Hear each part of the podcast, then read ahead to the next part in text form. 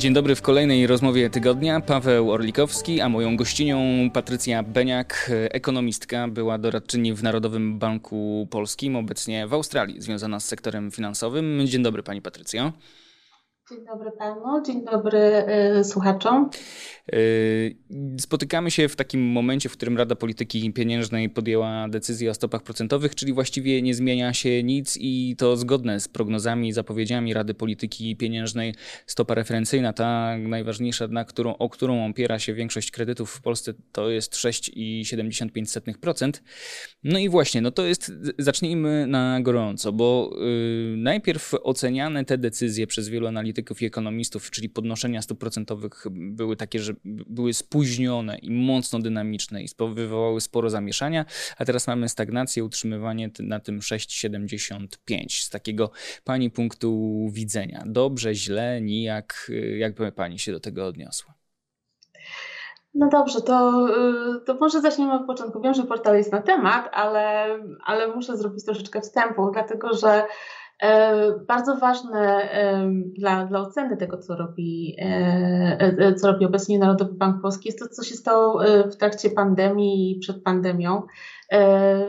Przyczyny inflacji, tak? I, I to, co się działo przed pandemią, że mieliśmy bardzo długo, bardzo niską inflację na świecie i to wpływało na pewne postrzeganie nie tylko przez Narodowy Bank Polski, ale też przez, przez, inne, przez inne banki centralne. E, przed inflacją bardzo długo mieliśmy, e, przed, przed, przepraszam bardzo, przed, e, przed, przed COVID-em mieliśmy bardzo długo, bardzo niską inflację. Polska była tutaj troszeczkę wyjątkiem, ponieważ, ponieważ inflacja rosła przed COVID-em z, z powodów, z przyczyn krajowych, ale nie, nie była ona tragicznie wysoka. I, I to wpłynęło troszeczkę na, na, na ocenę Narodowego Banku Polskiego przed COVID-em, ale być może podwyżki stóp by nastąpiły w trakcie COVID-u. Tego nie wiemy, bo, bo, bo, bo nie znamy scenariusza kontrfaktycznego. Natomiast, natomiast no w trakcie COVID-u no wszyscy wiemy, co się stało. Zamknięta gospodarka na świecie, praktycznie we wszystkich krajach. I później bardzo szybkie otwarcie Y, bardzo szybki wzrost y, y, popytu, nagły, zwłaszcza na dobra, ponieważ nastąpił, mm, nastąpiła zmiana tego, jak konsumujemy z powodu, z powodu wielu restrykcji, z powodu wielu restrykcji, które, które, były, które były wprowadzone, zwłaszcza na sektor usług. Więc konsumowano więcej dóbr.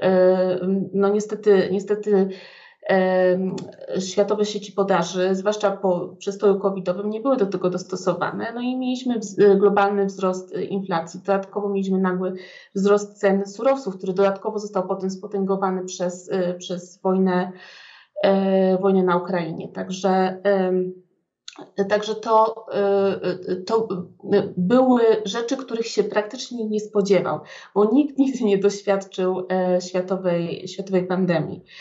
E, I te globalne czynniki, jeszcze w połączeniu z tym, że nagle wiele osób zniknęło z rynku pracy w wielu krajach z różnych przyczyn, e, głównie dlatego, że było znacznie, e, znaczne wsparcie ze strony, ze strony rządów. E, I, I po prostu, po prostu osoby te nie czuły potrzeby wracania na rynek pracy po pandemii. Ja mówię głównie o Stanach Zjednoczonych, ale to dotyczy bardzo, bardzo wielu gospodarek. To też wpłynęło na, na koszty pracy. E, I te e, zagraniczne kwestie, tak, zagraniczne przyczyny inflacji, tak mniej więcej 50% tej inflacji, którą widzimy w Polsce i niestety to są przyczyny, na które, na które żaden bank centralny nie miał wpływu, na które żaden bank centralny praktycznie się nie spodziewał. Zresztą wszystkie reakcje banków centralnych były spóźnione, a Narodowy Bank Polski był, bądźmy szczerze, no tym bankiem, który, e, który akurat jako jeden z pierwszych zaczął podnosić e, stopy procentowe. E, były czynniki krajowe oczywiście. To, e, nie na wszystkie też Narodowy Bank Polski ma, ma wpływ. E, są ceny administrowane w większym stopniu niż jak pracowałam w Narodowym Banku Polskim. Gospodarka polska jest, jest regulowana obecnie. No mhm. i również na te, na te kwestie Narodowy Bank Polski nie ma wpływu. Oczywiście, oczywiście byłoby lepiej, gdybyśmy wiedzieli w trakcie pandemii, że nie będzie potrzebne aż takie y, luzowanie. Natomiast, natomiast sytuacja była taka, że, że wszyscy byli przerażeni tym nowym wirusem i, i niestety, niestety była, była nadreakcja i to na całym, na całym świecie i po prostu płacimy teraz tego cenę.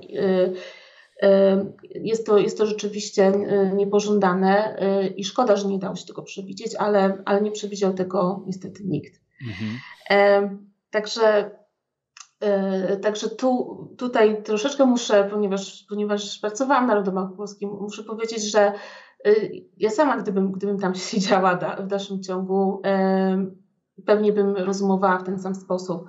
Jedynym doświadczeniem y, kryzysu gospodarczego, który, który, który było w miarę świeże, to był globalny, y, globalny kryzys finansowy, w trakcie którego było zagrożenie deflacją raczej niż, y, niż wysoką inflacją. Więc, więc nikt nie spodziewał się, że, że reakcja będzie w, właśnie w taki sposób.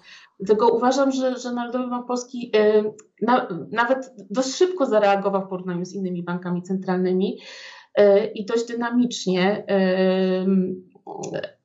Oczywiście mógł szybciej to zrobić, ale nikt praktycznie tego nie zrobił w tym tamtym czasie. No tak, a teraz jeszcze osadzając się w kontekście obecnym, czyli tak jak teraz jesteśmy w prawie połowie lutego 2023 roku i tego, co robią też inne banki centralne czy odpowiedniki banków centralnych. Myślę tu o amerykańskim Fedzie, e, czyli o tych podwyżkach po 25 punktów bazowych i bardziej agresywnej polityce, jeśli chodzi o Europejski Bank Centralny, czyli 50 punktów bazowych i zapowiedź kolejnych podwyżek właśnie w takich wysokościach. I my w tym wszystkim stoimy na poziomie 6,75, czyli e, tak jakby Rada Polityki Pieniężnej pani wskazywała na tę dynamikę, zareagowała dynamicznie i dość e, mocno, a teraz przygląda się sytuacji. No, trudno się temu dziwić. Obyśmy mieli powody do obniżania e, tych stóp procentowych, ale póki co no, trzeba się na to zabezpieczać. Ale jakbyśmy w tym właśnie szerszym kontekście spojrzeli na sprawę polską, bo przede wszystkim no,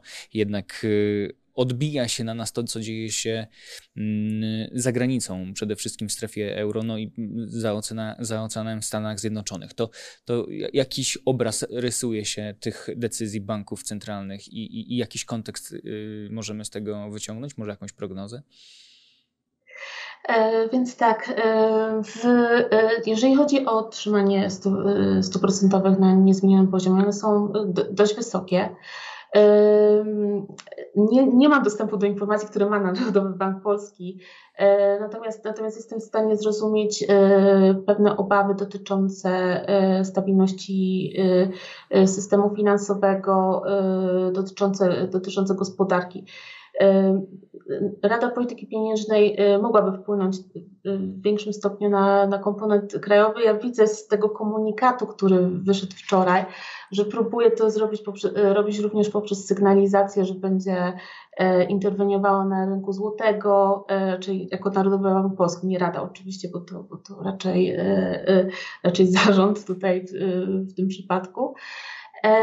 Ale ale Rada Polityki Pieniężnej w, w, moim odczuciu po prostu sygnalizuje, że, że stopy będą wysokie przez, E, przez jakiś czas e, i nie, nie mówi, że, że, że, że stopy będą albo obniżane, albo podwyższane, przynajmniej w komunikacie.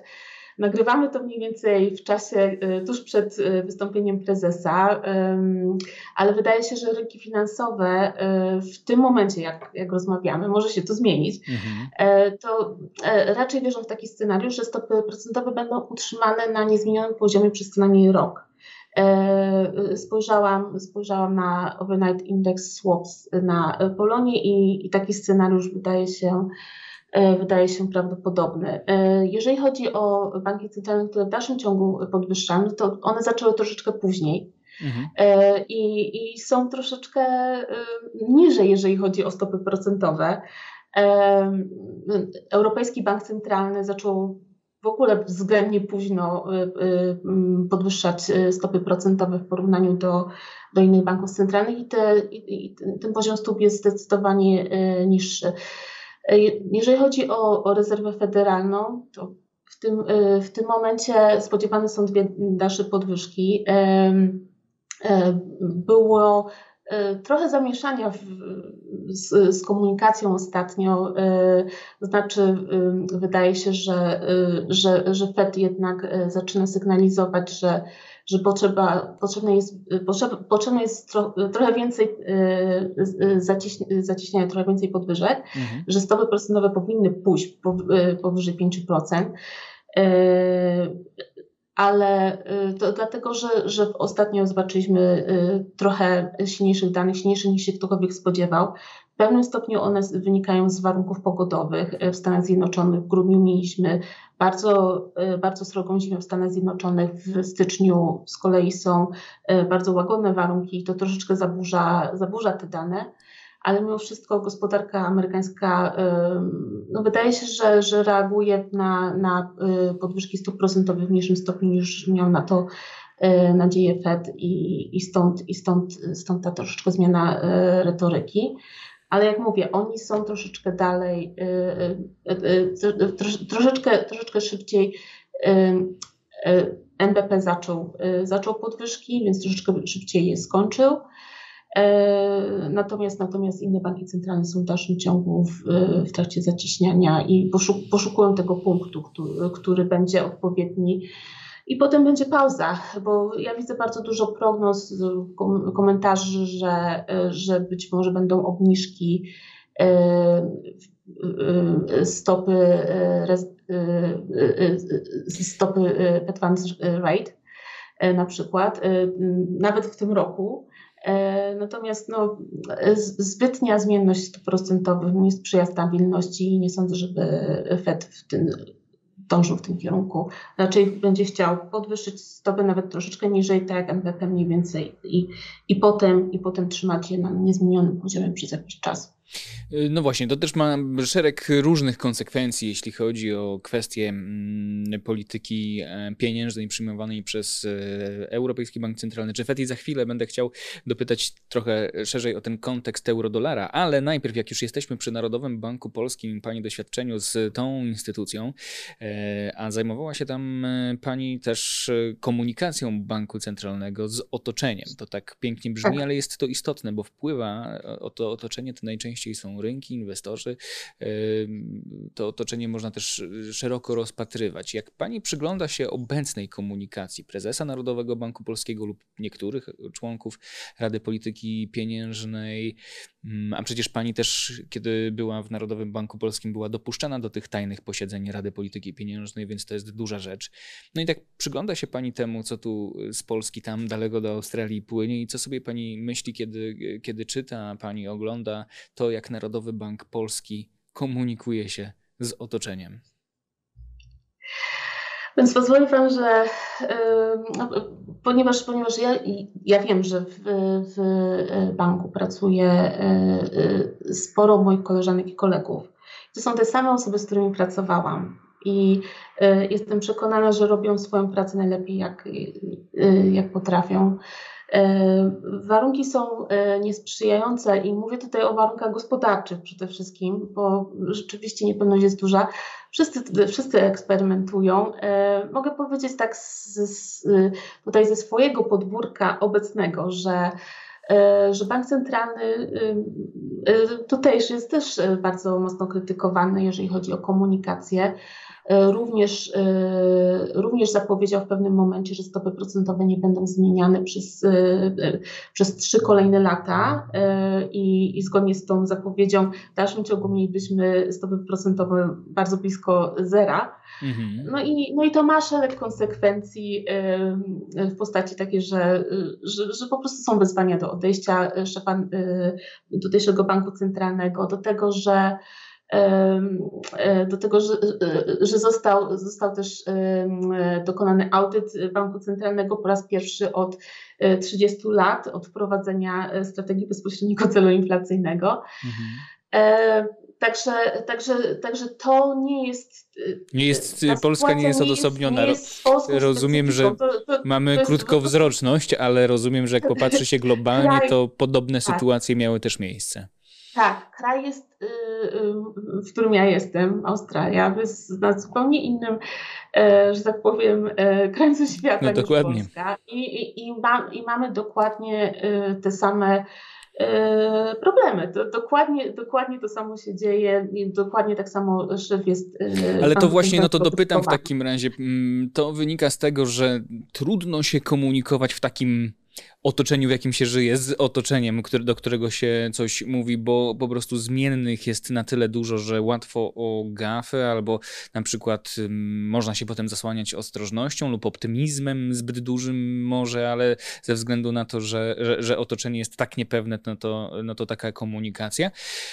Czy to jednak jest tak, że po prostu mm, to są takie wytrychy, bo, bo, bo sytuacja jest trudna, trudna jest wszędzie globalnie, więc, więc może łatwiej się po prostu usprawiedliwiać, a, a takie słowa nie powinny na przykład padać?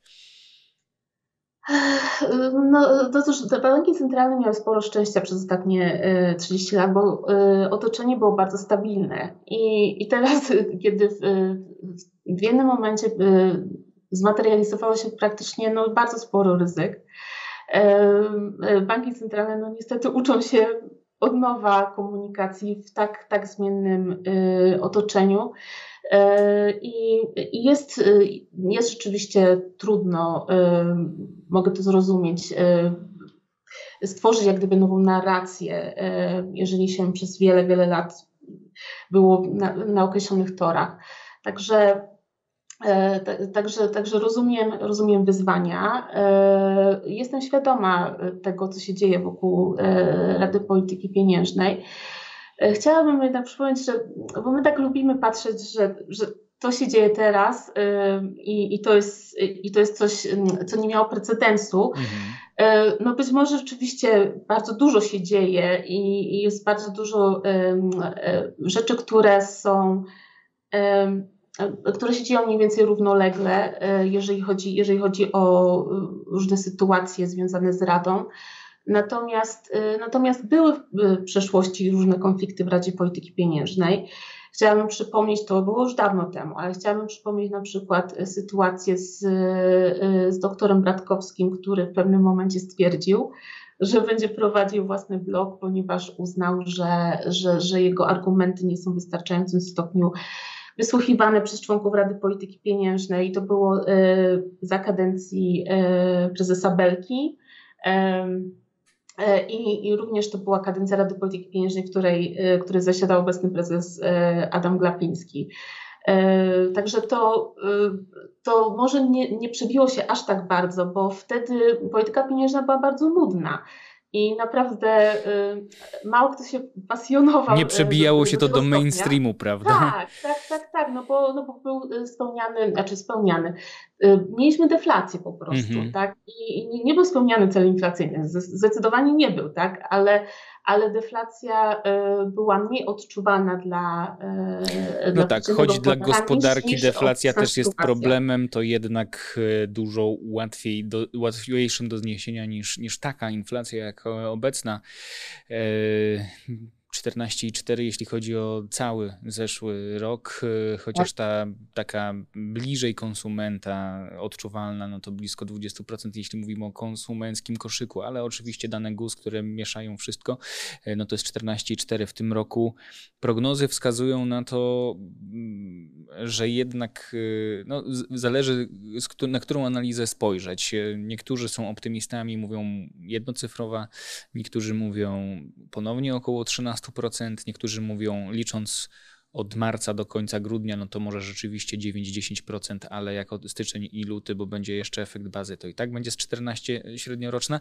W każdym razie, czy to będzie 9-10 czy 12-14, to nadal jest bardzo wysoka inflacja, ale też o tym otoczeniu, o którym pani mówiła, nigdy nie było takiej sytuacji, żebyśmy po, wychodząc z pandemii no i z rekordowego do druku pieniądza mieli ten cios, czyli wojna w Ukrainie i też bardzo duża niepewność. Trudno się prognozuje na pewno i, i rozumiem, że mm, trudno powiedzieć dokładnie jaka ta inflacja będzie. Na pewno będzie wysoka z punktu widzenia Polski. Te 6,75 jeśli chodzi o stopę referencyjną w Polsce wydaje się niewystarczające do walki z inflacją ale z drugiej strony dalsze podnoszenie dałoby coś, zmieniłoby, pohamowało inflację, czy tylko spowolniło gospodarkę, a jesteśmy na skraju recesji? Znaczy, tutaj mogę, muszę powiedzieć, że y, jedna rzecz jest bardzo ważna, jeżeli rozmawiamy o polityce pieniężnej. Ona działa z dużym opóźnieniem. Mhm. Więc cokolwiek y, bank centralny zdecyduje w tym momencie, jeżeli by zdecydował się podwyższyć stopy procentowe w tym, w tym, w tym momencie, no to, no to pełny efekt tych y, podwyżek byłby odczuwalny dopiero, dopiero za dwa lata. Czyli jak mieliśmy podwyżki stóp procentowych na początku tego cyklu, to dopiero teraz zaczynamy pomału widzieć efekty w, w aktywności gospodarczej. Inflacja jest na samym końcu tego łańcucha. Także, także bardzo łatwo jest powiedzieć, e, dobrze, podwyższył e, bank centralny stopy procentowe, inflacja nie spadła miesiąc lub dwa później, no to nie działa. E, niestety, niestety tak, tak, tak, to, tak to nie wygląda. Dlatego jak powiedziałam, prawdopodobnie NBP stara się trzymać stopy procentowe bez zmian, żeby zobaczyć, jak gospodarka na to reaguje, a na razie reaguje w ten sposób, że e, spojrzałam sobie na dane z, z grudnia, z czwartego kwartału, w zależności na to, co e, e, czy to są miesięczne, czy, czy kwartalne i wszędzie widać, widać spowolnienie. Przeczytałam też, też wyniki ankiety dla przedsiębiorstw, wyniki ankiety kredytowej. W tym widać oczywiście spowolnienie akcji kredytowej, spadek popytu na kredyt. Widać, widać bardzo duże pogorszenie w, w sektorze przedsiębiorstw. No, jeżeli chodzi o na przykład sprzedaż detaliczną, ona spada od marca w mhm. ujęciu rok do roku. Także, także tu jest bardzo dużo, na przykład wskaźnik PMI, e, który, który jest dla przemysłu, no to też od ponad pół roku e, wskazuje na, na, na spadek aktywności e, w przemyśle. Mamy spodziewane spowolnienie dynamiki PKB, zobaczymy dane w przyszłym tygodniu. I to jest, y, to jest spowolnienie popytu, które jest, no niestety to, to, to, to boli, ale, ale ono jest y, konieczne do tego, żeby ten y, czynnik popytowy, ta, ta część popytowa inflacji, na którą NBP ma, ma wpływ, mhm. obniżyła się. To jest jedyne, co, co bank centralny może, może zrobić. No właśnie. I to działa z dużym opóźnieniem. Tak, bo to się liczy w kwartałach, ale z kolei z bardzo szybkim efektem działa to, co nazywamy polityką fiskalną. I chciałbym też jeszcze panią y, o, zapytać o ocenę naszego policy mix, jak to się mówi. My mówimy tutaj o PMI, możemy mówić o CPI i różnych wskaźnikach i policy mix, ale pod tym wszystkim wiążą się właśnie e, kwestie, kwestie e, popytu, podaży, inflacji i, i, i miksu politycznego, czyli, czyli polityki fiskalnej z polityką pieniężną. Ta pieniężna zareagowała tak, jak y, mogła, zwana też monetarną czyli stopy podniesione procentowe w górę i teraz utrzymywane na dość wysokim poziomie i patrzymy, jak gospodarka reaguje, tak jak pani to świetnie wyjaśniła i to rzeczywiście kwartały zajmuje. No ale mamy też politykę fiskalną. Wakacje kredytowe, ok, no to uwalniamy kredyty, podnosimy konsumpcję, podnosimy najniższą krajową, znowu nakręcamy spiralę płacowo-cenową. Y, dodatkowo y, zerowy VAT na żywność itd., tak itd., tak czyli y, są prokonsumenckie, propopytowe akcje wprowadzane w roku roku wyborczym, więc no to też trzeba pewnie zwrócić uwagę. No i dużo jest, dużo jest takich e, kąsków prokonsumenckich, które mogą utrudniać walkę z inflacją. Jak pani, pani okiem ten policy mix fiskalna i monetarna, jak to wygląda? E, oczywiście przydałaby się lepsza koordynacja. Ja nie mówię o tym, żeby, e, żeby była jak gdyby współpraca jak to nazwać, y, y, polityki pieniężnej i fiskalnej, ale koordynacja jest potrzebna. Widzieliśmy tę koordynację, widzieliśmy, że to jest możliwe w trakcie COVID-u. Mhm. Prawda, okazało się, że to jest za dużo, ale, ale widzieliśmy, że to jest, że, że to jest możliwe w, w, skali, w skali globalnej. Także rzeczywiście, rzeczywiście pewne działania, działania w zakresie polityki fiskalnej no, no, no wspierają, wspierają inflację i są kontrproduktywne do tego, co, co, co stara się robić NBP. Mhm. Więc, więc no, niestety polityka jest polityką i nie mi tutaj komentować te, te sprawy, natomiast jako ekonomista mogę powiedzieć, że że mniejsza ekspansywność polityki fiskalnej oczywiście, oczywiście byłaby jak najbardziej pożądana z punktu widzenia dążenia do niższej inflacji. Okej, okay, no to, to oczekiwania kontra rzeczywistość, jak to często mm, bywa, ale może warto by było, żeby w ekonomistów, mm, szczególnie ekonomistkę, która przy NBP mm, pracowała, warto posłuchać, bo to dobry głos. To taki mój apel. Ale wracając do tego eurodolara, o którym wspominałem wcześniej, bo właśnie jest tak, Europejski Bank Centralny 50 punktów bazowych, amerykański Fed 25 punktów bazowych, rynki reagują, reagują różnie. Potem są wypowiedzi, najpierw Jerome Powell, jest też Christine Lagarde.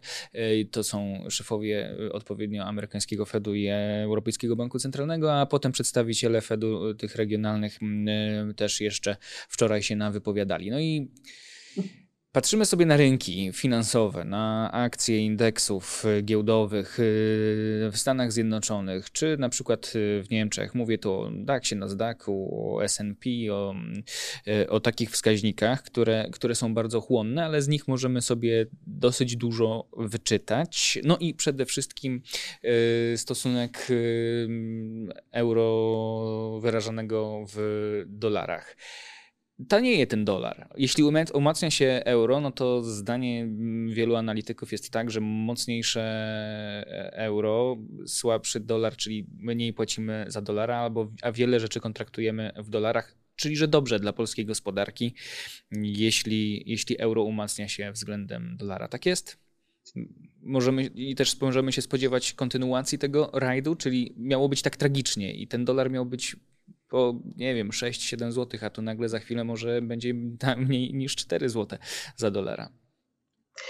No tak jak wspomniałam, yy, znaczy nie chcę tutaj mówić do, yy, dokładnie, jeżeli chodzi o poziom kursu, yy, kursu dlatego że no jest bardzo wiele żartów wśród ekonomistów, żeby nie prognozować kursu walutowego? To, to jest, to jest, to jest no dość oczywista i klasyczna sprawa. Mhm. E, natomiast, natomiast jeżeli chodzi o, o kierunek, no to yy, tak jak wspominałam, Europejski Bank Centralny jest trochę spóźniony e, w porównaniu do Fedu, mhm. e, jeżeli chodzi o, y, o podwyżki stóp procentowych. I, i, i, z tego, I z tego względu, jeżeli Fed kończy już pomalutku cykl, cykl podwyżek, jeszcze dwie są spodziewane w tym momencie. E, natomiast Europejski Bank Centralny e, ma cały jeden punkt procentowy w, w e, cenach w tym momencie wyceniony. Przepraszam, przepraszam naj, najmocniej, że bardzo długo nie mówiłam po, po polsku, jeżeli chodzi o rynki finansowe, więc przepraszam, że, te, że, że tak to niezgrabnie ujęłam. Jasne. Także, także, także mamy 50 punktów bazowych góra, jeżeli chodzi o, y, o FED w tym momencie. Jeden, jeden punkt procentowy cały, jeżeli chodzi o EBC. Z zapowiedzi, no, bo tak. Nazywamy, to, bo to jest strasznie zmienne. Tak, tak. E, więc, więc, więc to, to, to w naturalny sposób wspiera, y, mhm. wspiera kurs, y, kurs euro. I, i, I, z tego chociaż względu należy się spodziewać aprecjacji. Natomiast no, od, od, otoczenie jest bardzo zmienne i, y, i y, jest bardzo wiele kryzysów, które w tym momencie y, się dzieją. Jeżeli, jeżeli któryś z tych kryzysów geopolityczny, czy, czy, czy jeżeli, jeżeli chodzi o strefę euro, na przykład któryś z krajów będzie miał jakiś kryzys fiskalny, no tego nie można wykluczyć zupełnie to sytuacja może się zupełnie odwrócić. Także mm -hmm. przepraszam, że odpowiadam jak ekonomista, że może być tak albo inaczej. Nie, ale, to ale tak. Scenariusz jest taki, że na aprecjację, a, ale, ale są ryzyka, jest ich sporo. Już określiliśmy, że otoczenie jest bardzo zmienne i zawsze tak może być, bo to mówienie o tym, czy coś wzrośnie, spadnie, czy będzie tak, czy inaczej, to jest trochę zawsze wróżenie z fusów, a już szczególnie w takim otoczeniu, w jakim teraz jesteśmy, mm, czyli cały czas toczącego się konfliktu, e, wojny w Ukrainie, nadal zmagania się z wychodzeniem z kryzysu covidowego i tak dalej, i tak dalej, całe, i, i, i, i, i tej polityki pieniężnej, którą trzeba do tego dobierać. Ale y, patrząc y, w takim razie na, y, jak już wspomniała Pani o geopolityce, już odchodząc od tych prognoz, bo zobaczymy, jak będzie, albo inaczej, jeszcze, jeszcze wrócę do, do tego, jak się zachowują rynki, bo widzimy pewną, pewnego rodzaju euforię, jeśli chodzi o indeksy, które mogą e, wskazywać na to, że jednak to spowolnienie gospodarcze będzie dużo niższe niż nam się wydawało, czyli że nie będzie takiej tragedii, będzie ten rok dużo spokojniejszy niż się zapowiadał. I oczywiście zakładamy sytuację, w której nie ma nic nadzwyczajnego, co może się wydarzyć, bo, bo oczywiście e, Rosja zapowiada zaostrzenie walki w Ukrainie i to może mieć bardzo negatywne konsekwencje globalnie, ale teraz na chwilę odcinając się od geopolityki, czy od wydarzeń takich e, katastrof naturalnych, jak mieliśmy w Turcji trzęsienie ziemi, jeśli byśmy mieli względny spokój, zapowiedzi dwóch podwyżek stóp procentowych przez amerykański FED i ABC dosyć mm, stabilne środowisko, to ta euforia po roku bez wracamy do hossy i, i możemy się e, cieszyć tym, że, że to otoczenie jest względnie przewidywalne. Jeśli nie będzie jakiegoś groma z jasnego nieba, to e, gromu z jasnego nieba, to, to generalnie wzrosty w tym roku i, i, i, i to spowolnienie dużo niższe niż zapowiadane? E, to znaczy, nie chciałabym tutaj uprawiać żadnej ekstrapolacji, czyli widzimy coś, no to tak będzie, tak? Mhm. E, natomiast, e, natomiast jeżeli rzeczywiście okaże się, że uda się uniknąć gospodarce amerykańskiej recesji, bo, bo to było prawdopodobieństwo recesji. Mam, mam, mam swój model nawet, jeżeli chodzi o, o właśnie o właśnie prawdopodobieństwo recesji w Stanach Zjednoczonych, ono było, ono było bardzo wysokie w pewnym momencie. Mhm. I, I ostatnio się obniżyło. I to nawet zdecydowanie się obniżyło. Także dalej jest powyżej 50% mimo wszystko. Więc, więc 50-50, no to. Tak, tak. Znaczy, Fatalnie. Jest powyżej 50, także, także w dalszym ciągu jest ryzyko recesji. Mm ale jeżeli się uda Stan Zjednoczony rzeczywiście e, wyjść obronną ręką z, z, z zacieśnienia polityki pieniężnej, to, to, to rzeczywiście będzie, będzie to wspierało, wspierało na pewno ceny akcji. To, to, to, to, jest, to jest dość, dość, dość oczywiste. Tak. Może, może tak No to dobrze, to jeśli, to jeśli rzeczywiście nie będzie tych niespodziewanych e, sytuacji i uda się uniknąć tej recesji, no to, no to świetnie, to, e, no to lepiej, no bo to będzie miało też wymierne przełożenie na sprawy polskie. My jesteśmy tylko taki, takimi, którzy raczej rykoszetem obrywają, a jeśli to jest taki pozytywny rykoszet, to znaczy będziemy reagować na to globalne otoczenie w sposób dobry, to świetnie. Pani w swoim CV pokaźnym ma też y, zajmowanie się sprawami przeciwdziałania finansowaniu terroryzmu. Y, wczoraj oglądałem, y, wczoraj od momentu, w którym nagrywamy tę rozmowę, wizytę prezydenta Ukrainy Wołodymyra Załęckiego w Wielkiej Brytanii. I on tam mówił podbijał bardzo mocne, energiczne wystąpienie e, później widzę we Francji. On tam bardzo jasno określał, e, prosił, apelował, by e, środowiska międzynarodowe, tak to ujmijmy wprost, nazwały Rosję krajem terrorystycznym, żeby nie można było finansować ich wojny z żadnej strony. E, jak pani patrzy na ten konflikt i myśli sobie o przeciwdziałaniu finansowania terroryzmu w takim ujęciu jak wojna w Ukrainie, czy to jest możliwe? E, znaczy, to jest pytanie dość e, polityczne, bym powiedziała, chociaż to, chociaż to jest trochę zahacza o finansowanie terroryzmu. To jest dość polityczne ze względu na moje obecne zatrudnienie wolałabym nie odpowiadać wprost. Tak? Mhm. Natomiast, natomiast rzeczywiście, jeżeli chodzi o, o, o finansowanie terroryzmu, jak, jak, najbardziej, jak najbardziej trzeba, trzeba temu, temu przeciwdziałać. Niestety to Niestety nie mogę odpowiedzieć panu e, na to pytanie. Okej, okay, no to w e, takim razie nie skupiając się na, na Rosji, bo e, źródła finansowania terroryzmu są różne i ten terroryzm ma różne wymiary. Nie nazywając go po imieniu, tylko mamy w głowie każdy co innego nazwie terroryzmem. Jak można wygaszać źródła finansowania terroryzmu? Jak przeciwdziałać takiemu finansowaniu? Są jak, jakieś sposoby poza sankcjami? E, monitorowanie transakcji. Może, może tak to ujmę. E, wszystkie banki komercyjne mają obowiązek monitorowania podejrzanych transakcji e, i, i, i są, są procedury wypracowane na ten temat przez, przez międzynarodowe organizacje. E, które, które każdy bank komercyjny e, musi, e, który, który każdy bank komercyjny musi, musi przestrzegać. W Polsce takie podejrzane transakcje raportuje się do Ministerstwa Finansów. Jest tam specjalny departament, który się tym zajmuje. I y, jest też międzynarodowa współpraca w tym zakresie pomiędzy, pomiędzy krajami. Y, także, także to można robić y, nie tylko tak w skali makro, mhm. targetując konkretny podmiot, ale też w skali mikro, żeby wykryć po prostu indywidualne transakcje, jeżeli, jeżeli jest groźba, że, że po prostu te, te sankcje są obchodzone, albo po prostu, po prostu dzieje się coś zupełnie nowego, o czym E, nie mieliśmy wcześniej świadomości. Tak? Po mhm. prostu te dane są gromadzone, analizowane e, przez, przez, przez wszystkie banki komercyjne. Tak jest wymóg.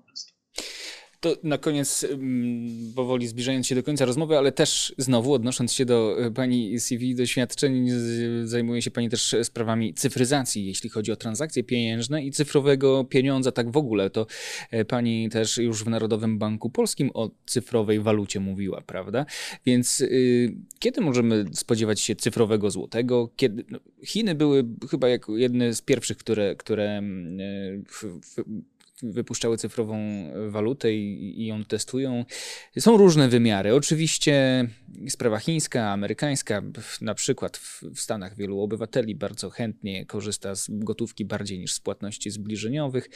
W Chinach wręcz, no, mówiąc o bezpieczeństwie covidowym, często się tego zakazuje wymiar oczywiście pewnie też pewnej inwigilacji tam ma. No i właśnie, nie znamy, boimy się, że państwo będzie miało wgląd do wszystkiego, wszystkie transakcje będą kontrolowane, że to... Więc mówiąc wprost, czy nie taki diabeł straszny, jak go malują? Era cyfrowych pieniędzy przed nami, ale będą to jedyne pieniądze, papier, czyli ta, e, ten bilon i, i, i monety z obiegu znikną kiedyś na rzecz tylko cyfrowej waluty. Jak to wygląda Pani zdaniem? Jaka jest przyszłość cyfrowych pieniędzy i cyfrowej waluty, na przykład złotego właśnie? Znaczy, y, nie zdradzę większej tajemnicy, jeżeli powiem, że, y, że oczywiście są prace y, pewnie prowadzone w Narodowym Banku Polskim, takie analityczne, jeżeli chodzi o, o cyfrowy pieniądz, natomiast, natomiast nie, nie, nie, nie mam świadomości tego, żeby żeby inne prace y, nad wprowadzeniem cyfrowego złotego miały, y, miały miejsce. Natomiast jeżeli chodzi o y, Europejski System Banków Centralnych, jak najbardziej trwają prace tak trochę bardziej powiedziała, aktywne w, w, w Europejskim Banku Centralnym. Natomiast chciałabym może, może trochę uspokoić ludzi, którzy się obawiają waluty cyfrowej Banku Centralnego. Mhm. Dlatego, że nawet w Szwecji, gdzie, y, gdzie, która była kompletnym pionierem, oni byli wcześniej niż, y, niż y, Bank Chin, tam od, od wielu lat są prowadzone prace nad tak zwaną cyfrową koroną. I, i z, z tego, co się orientuję z, to, to po prostu nawet tam nie jest planowane całkowite wprowadzenie, żeby była tylko cyfrowa korona, tylko, tylko jako, jako po prostu alternatywa mhm.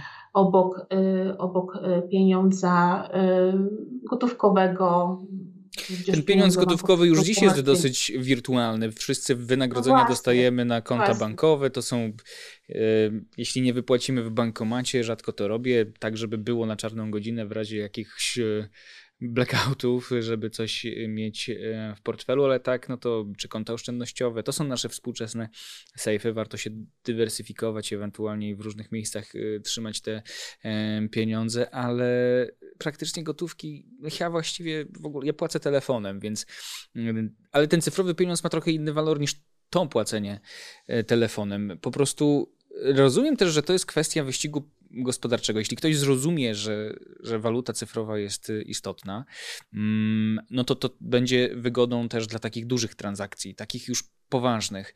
I rozumiem, że warto będzie inwestować w taką technologię właśnie po to, żeby w takim wyścigu gospodarczym nie być znowu w tyle i gonić ciągle tego króliczka.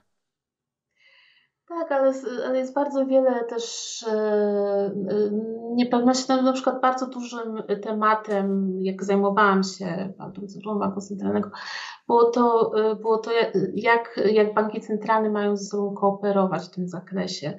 Także, także kwestia nawet transakcji międzynarodowych była, była, była nierozwiązana zupełnie. Także to jest naprawdę w dużych, dużych powijakach. E, e, no, no, no naprawdę to jeszcze bardzo dużo wody upłynie w Wiśle, zanim zobaczymy, no już zwłaszcza z Złotego Złotego. No także, rozumiem, ale także generalnie jest ja, Pani za, wspiera chcę, Pani chcę takie tutaj, inicjatywy? Tak, e, chcę, chcę tutaj uspokoić i też no, no jest sporo, sporo takich teorii um, spiskowych. E, spiskowych po prostu, że to chodzi tylko e, o to, żeby, żeby rząd miał wgląd w, tak. w Totalna pieniądze, inwigilacja to wszędzie chodzi i zawsze. o to, żeby uprościć pewne, e, pewne rzeczy. Tylko, że znaczy dobrze skonstruowany cyfrowy portfel. Ale ale nie, nie, bo dużo kwestii związanych z, na przykład z implementacją polityki pieniężnej, bo tym okay. się nie zajmowałam, bo to z racji, z racji mojego, mojego stanowiska, yy, tym, tym jak, yy, jaka będzie możli- czy będzie możliwość przez bank centralny E, wpływania e, na, na oprocentowanie e, kredytów, depozytów w taki sposób, jak, czy ona będzie większa, czy, czy mniejsza. To, to, jest, to, jest, to jest wbrew pozorom otwarte pytanie. Mamy ten temat artykuł, ale to, to już nie będę, nie będę Państwa nudzić, zanudzać tym, tylko że, że po prostu tu jest więcej na razie pytań niż, niż, niż odpowiedzi ale celem jest to, żeby po prostu usprawnić działanie systemu, e, sprawić, żeby, żeby po prostu transakcje były tańsze, i, i, nie stoi za tym żadna, żadna teoria spiskowa, przynajmniej, przynajmniej na tych konferencjach e, z innymi, mm. z innymi osobami z banków centralnych, które zajmowały się tym tematem. Na, na pewno na ten temat nie rozmawiali. No właśnie, nie bójmy się rozwoju technologicznego, tym bardziej, że dla tej wielkiej polityki, powiedzmy monetarnej, będą szykowane rozwiązania, żeby były bezpieczne, ale wtedy zawsze wprowadzają je na przykład banki komercyjne, tak, by oferować swoim klientom jeszcze bezpieczniejsze rozwiązania, a taka cyfrowa waluta, czy cały cyfrowy portfel przy dobrze skonstruowanym blockchainie mógłby być dobrze zabezpieczony, to znaczy przypisany do właściciela i wręcz niewykradalny, bo jeśli ktoś złodziej ukradłby te pieniądze, nie mógłby ich wydawać bez na przykład odpowiedniego tokena, który jest przypisany do konkretnego właściciela. Więc wydaje mi się, że taki rozwój mm, technologii, który by sprawiał, że pieniędzy nam nie można ukraść na przykład, byłby dużo lepszy niż strach e, przed teoriami spiskowymi. Tak jest czy nie? Na pewno byłoby to bezpieczniejsze niż, niż trzymanie pieniędzy na teraz. No, no właśnie, zde, zdecydowanie. To, to, to zdecydowanie. Patrycja Beniak, y, pracująca, ekonomistka pracująca w sektorze finansów y, teraz w Australii, ale wcześniej tu nad Wisłą, w zimnym kraju, a tam teraz tak gorąco. Ja dziś rano minus 7, a pani Patrycja plus 30. Jak ja pani zazdroszczę, pani Patrycjo. E, no, ale była Pani też w e, Narodowym Banku Polskim i takim doświadczeniem Pani z nami się dzieliła, za co bardzo dziękuję. Więc jeszcze raz, ekonomistka Patrycja Beniak była gościnią rozmowy tygodnia. Dziękuję Pani Patrycjo. Dziękuję. I to wszystko od nas na dziś. Paweł Orlikowski. Zapraszam na kolejną rozmowę tygodnia już za tydzień.